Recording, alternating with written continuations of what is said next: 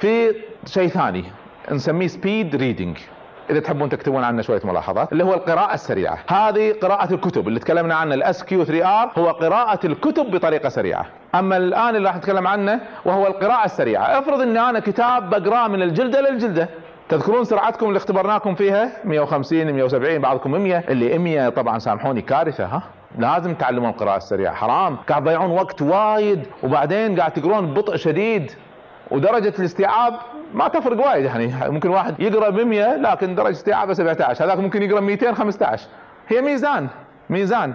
أنا لو قريت كتابين واستوعبت 50% مثل اللي يقرأ كتاب ويستوعب 100% ميزان. طيب شنو ممكن نسوي عشان نقرأ بسرعة؟ طبعا مرة ثانية قلت لكم لازم ناخذ كورس. لكن سأعطيكم بعض المبادئ البسيطة من هذا الكورس اللي ممكن تطبقونها فورا. حتى بدون ما تاخذون المادة بدون ما تاخذون حصة فيه راح أعطيكم بعض الإشارات السريعة. إذا تحبون تكتبون معي الإشارات. في مبادئ غلط تخلي الناس تقرا ببطء أول مبدأ اللي يحرك شفتينه وهو قاعد يقرأ. لا تحركون شفايفكم ولا لسانكم. بعض الناس مسكر حلجة لكن من داخل لسانه قاعد يتحرك. ممنوع تتحرك اقرأ بعينك لا تقرأ بلسانك. طبعا هذه تعود. بس الإنسان إذا بدأ ينتبه لها مع الأيام راح يبدأ يعدل. هذه مسألة واحد. رقم اثنين. من الأشياء الرئيسية اللي تخلي القراءة تصير بطيئة وتضيع وقت. إن الواحد يقرأ ويرجع. يقرأ ويرجع. زين؟ طيب خلوني أعلمكم طريقة. المرة الجاية إذا بغيتوا تقرون خلوا بيدكم قلم. ومو شرط يكون تمسكونه من جهة اللي يكتب قلبوه إذا حبيتوا ما في مانع عشان لا تخربطون على الكتاب إذا ما تبون تخربطون عليه. وحطوا القلم على الكلام وامشوا. ممنوع ترجعون. خليك ماشي. تعود جربها. ممنوع أرجع. حتى لو ما فهمت لا ترجع. اجبر نفسك تمشي بالطريقة هذه.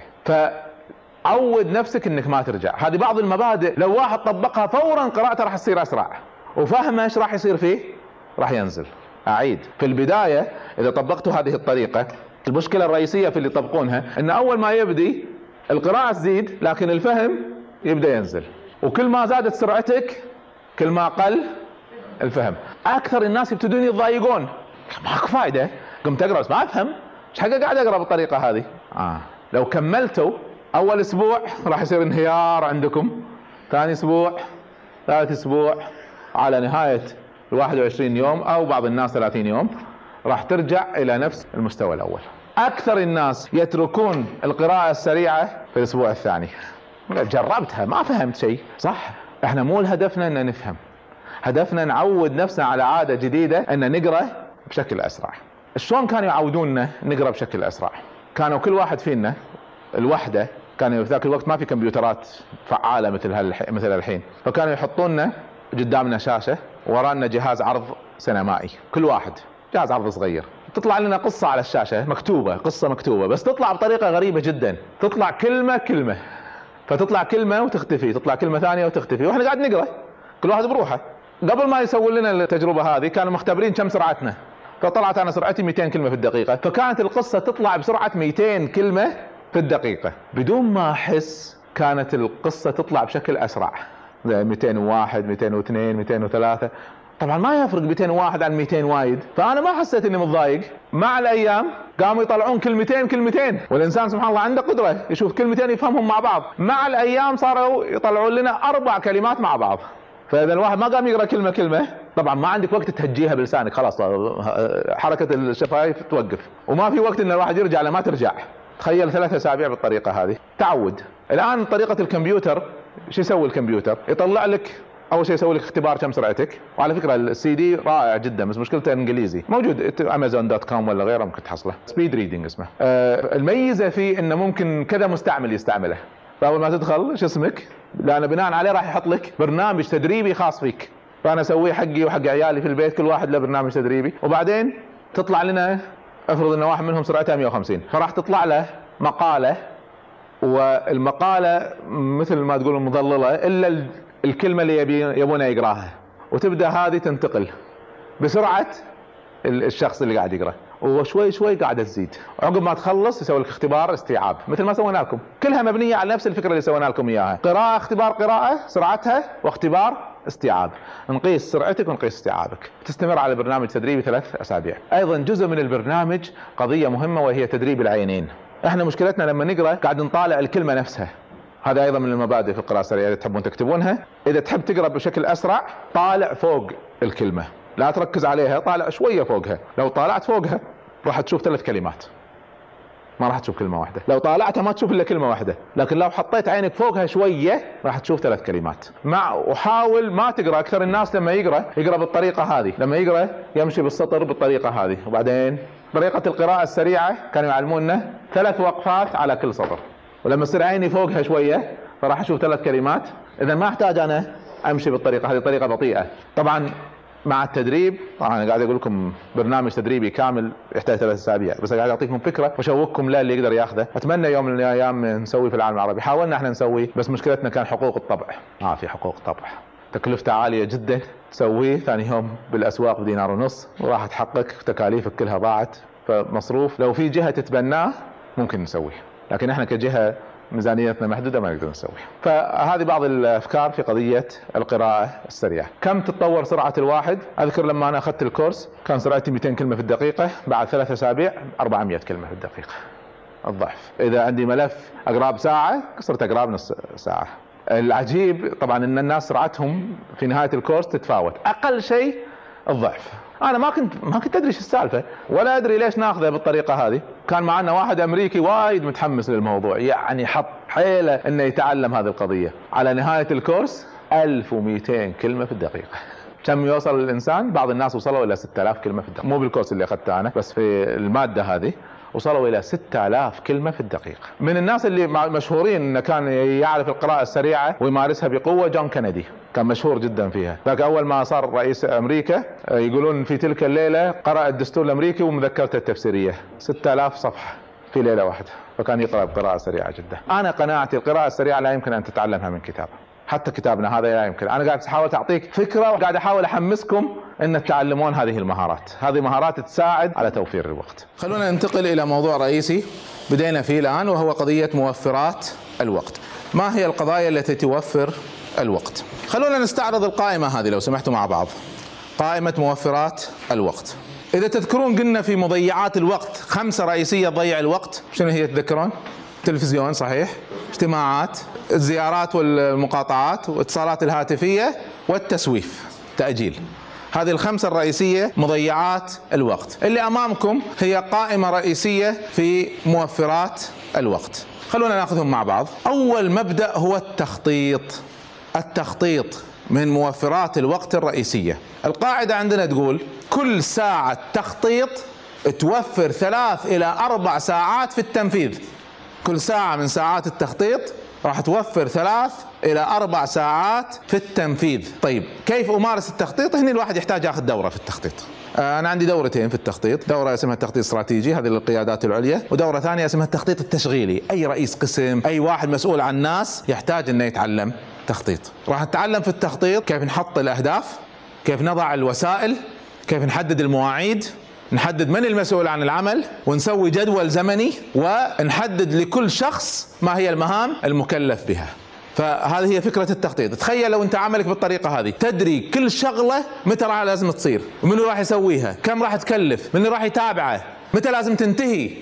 وإذا سويت كل هذه الأشغال أهدافك تحققت. هذا هو باختصار عملية التخطيط. طبعا ما عندي وقت إني أدخل في التخطيط بالتفصيل لأن يحتاج الوحدة ثلاث ساعات على الأقل لكن آه، أحيلكم إلى أي دورة أو كتاب في التخطيط ممكن ترجعوا له. اذا المبدأ الأول هو مبدأ التخطيط. المبدأ الثاني من مبادئ موفرات الوقت تحديد المواعيد النهائية. تحديد المواعيد النهائية لأي عمل. إحنا مشكلتنا عندنا أعمال كثيرة بس ما نحط لها موعد. متى لازم تنتهي؟ ما نحط موعد. ديدلاين موعد نهائي. سبحان الله بتجربة بسيطة جدا. أي شغلة تسوونها لو سمحتوا بس حطوا معاها موعد. هذه الشغلة لازم أخلصها يوم ثلاثة. هذه الشغلة 15 ثلاثة لازم أخلصها. حطوا لها موعد. وشوفوا إيش راح يصير معاكم. سبحان الله نفسية الإنسان تبدأ تتغير نحو الإنجاز ونحو الأداء. اذا المبدأ الثاني هو تحديد المواعيد النهائية. المبدأ الثالث أو الموفر الثالث من موفرات الوقت طبعا حطوا صح والغلط عندكم ولا ما هي عندكم. يعني اللي ما يعرف التخطيط يحط إشارة تحت غير متوفرة أو تحتاج تنمية. عشان المرة الجاية لما الديوان يعرض ولا الجهة اللي عندكم تعرض دورة في التخطيط طلبوها. إذا ما عمركم أخذتوا دورة في التخطيط مفيدة جدا تأخذونها. أنا طبعا راح أسوي شيء ثاني الحقيقة لأن شعرت إن في حاجة كبيرة لموضوع التخطيط في العالم العربي وشعرت انه للأسف قاعد يعامل معاملة تجارية. يعني الموضوع اللي ممكن ثلاث ساعات ندرسه قاعد يدرسونه بثلاث أشهر بدون مبالغة. كلام وحشو وبعدين يطلع الواحد ضايع ما شلون يعني ما ما أعرف يسوي خطة أصلا. فقررت إني راح أنزلها إن شاء الله على شكل أشرطة. ومعها كتاب بحيث الواحد يمشي بالشريط ويمشي بالكتاب يطلع معاه خطة. سواء خطة استراتيجية خطة استراتيجية سجلتها الآن خلصت. الخطة التشغيلية الآن على وشك إن شاء الله نسجلها. بحيث أي واحد في العالم العربي إن شاء الله توفر له هذه المهارة. وبسعر رخيص جدا يعني زين. فهذا اللي إحنا قاعد نحاول الآن نعوض بعض النقص في العالم العربي في المسائل. طيب على كل حال اذا عندنا التخطيط وعندنا ديدلاين مواعيد. النهائيه الموفر الثالث الرئيسي الروح الإيجابية. الروح الإيجابية للتعامل مع العوائق والمشاكل. أذكر أول ما أسسنا المدرسة تعرفون أي عمل في بداية تأسيس أو عمل كبير؟ مشاكله وايد كثير المشاكل. ف قمت أعلم اللي حواليني مبدأ. أحيانا المشكلة تصير شكلها ما لها حل. عندنا ورطة فيها.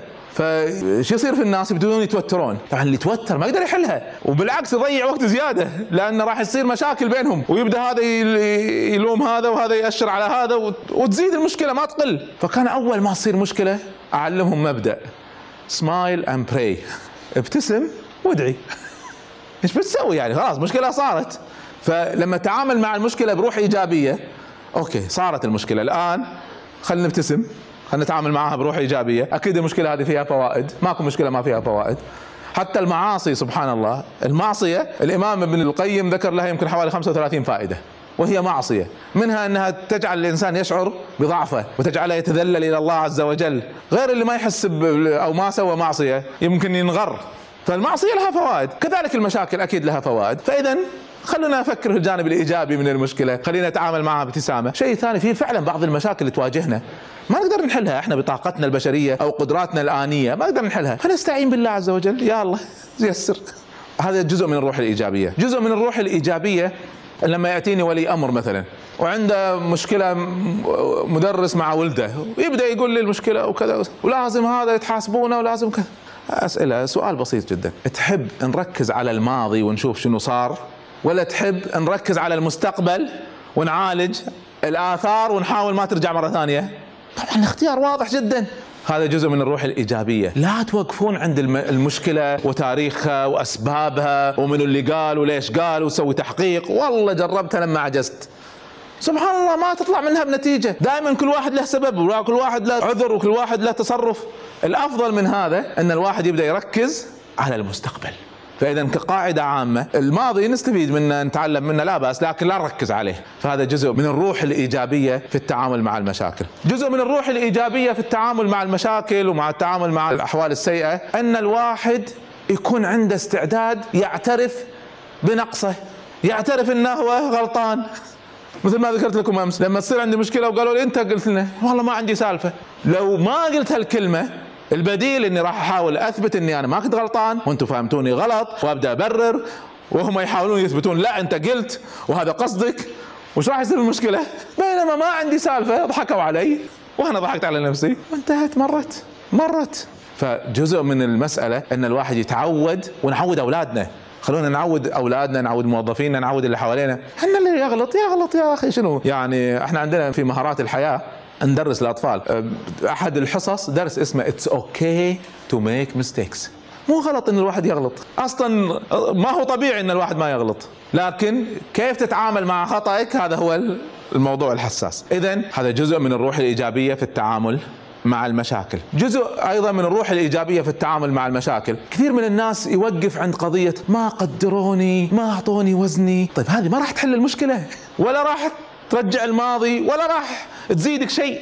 أنا بدل ما قاعد أفكر إي والله أنا جربت خلاص أعتبرها درس وأبدأ أنطلق. سبحان الله كذا شغلة في حياتي صارت معي. أكون أنا أتعامل بروح طيبة جدا وبنفسية يعني فيها إيثار وكذا واللي أمامي يستغلني وأنا ماني متوقع وصارت معي وأنا أعتبرها طبعا خيانة في النهاية.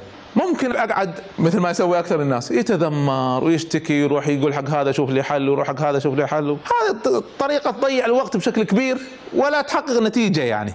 هذا اللي خانني أصلا واللي تعامل معاي بغدر. أصلا أنا لو يعرضون علي أشتغل معاه مرة ثانية ما أبي. إذا إيش حقه قاعد اشتكي عشان أرجع له؟ ولا اشتكي عشان آخذ شفقة من الناس؟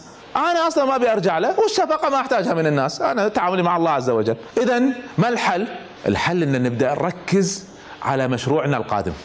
فبدل ما أركز على مشروع فاشل ولا على غدر وخيانة خلي يصير التركيز على العلاقة القادمة على المشروع القادم على الإنتاج القادم لأن حياتنا قصيرة. وما عندنا وقت نضيعه في التذمر والشكوى وال... ما عندنا وقت. وبعدين سبحان الله حتى لو عندنا وقت ما منها فائدة فهذا جزء أيضا من الروح الإيجابية. جزء من الروح الإيجابية أن الإنسان دائما يفكر في المستقبل. في الخطوة القادمة في المشروع القادم. هذا جزء من قضية الروح الإيجابية في التعامل مع المشاكل. جزء من التعامل مع المشاكل أو الروح الإيجابية الإبداع. هذا جزء من الروح الإيجابية. جاتنا مشكلة محتاجة فلوس. ما عندي فلوس. أكثر الناس يا شو نسوي؟ يا ريت يا ريت يا ريت. ما تسوي لنا شيء. الحل إن نبدأ نفكر بطريقة مختلفة تماما ونبدأ نفكر بإبداع. كيف نستطيع أن نتجاوزها؟ كذا مشروع في حياتي سبحان الله حققته ولا فلس. شكله ما يصير بدون فلوس لكن اللي يستسلم ما يتعامل بروح إيجابية. فورا يقول لا ما نقدر عليه مشروع ما إحنا قادرين عليه. بينما الواحد ممكن يسويها بطريقة ثانية إنه يبدع أعطيكم قصة كذي بسيطة صارت معي. في مشروع أنا كنت أبي أشتريه وما عندي فلوس أكلف خمسين ألف دينار. ما عندي ولا فلس. بس أنا هذا المشروع سبحان الله أحبه وأعرف إني لو مسكته ممكن أنجحه لأن عندي أفكار وايد حلوة فيه. بس ما عندي فلوس شو راح اشتريه فرحت اشتريته من ملاكة ب 65 ألف دينار مؤجلة سنة. واشتغلت فيه. بسنة طلعت 65 ألف دينار أعطيتهم إياه. هذا اللي إحنا قاعد نتكلم عنه نسميه إبداع. إن الواحد ما يتعامل مع العوائق بطريقة والله ما أقدر. هذه أسهل كلمه واحد يقولها. ما أقدر. ما عندي. ما اسمحوا لي. الأستاذ رسبني ها؟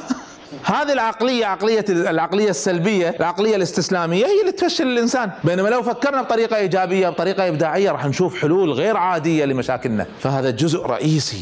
طبعا هذه الروح بهذه الطريقة راح توفر وقت كثير لأن البديل لها البديل للروح الإيجابية هي الروح السلبية. الروح السلبية روح التذمر وروح الشكوى وروح الملل والإنسان زهقان وش راح يصير؟ أوقات طويلة من حياته راح يضيعها بهذه الأجواء بهذه الأجواء.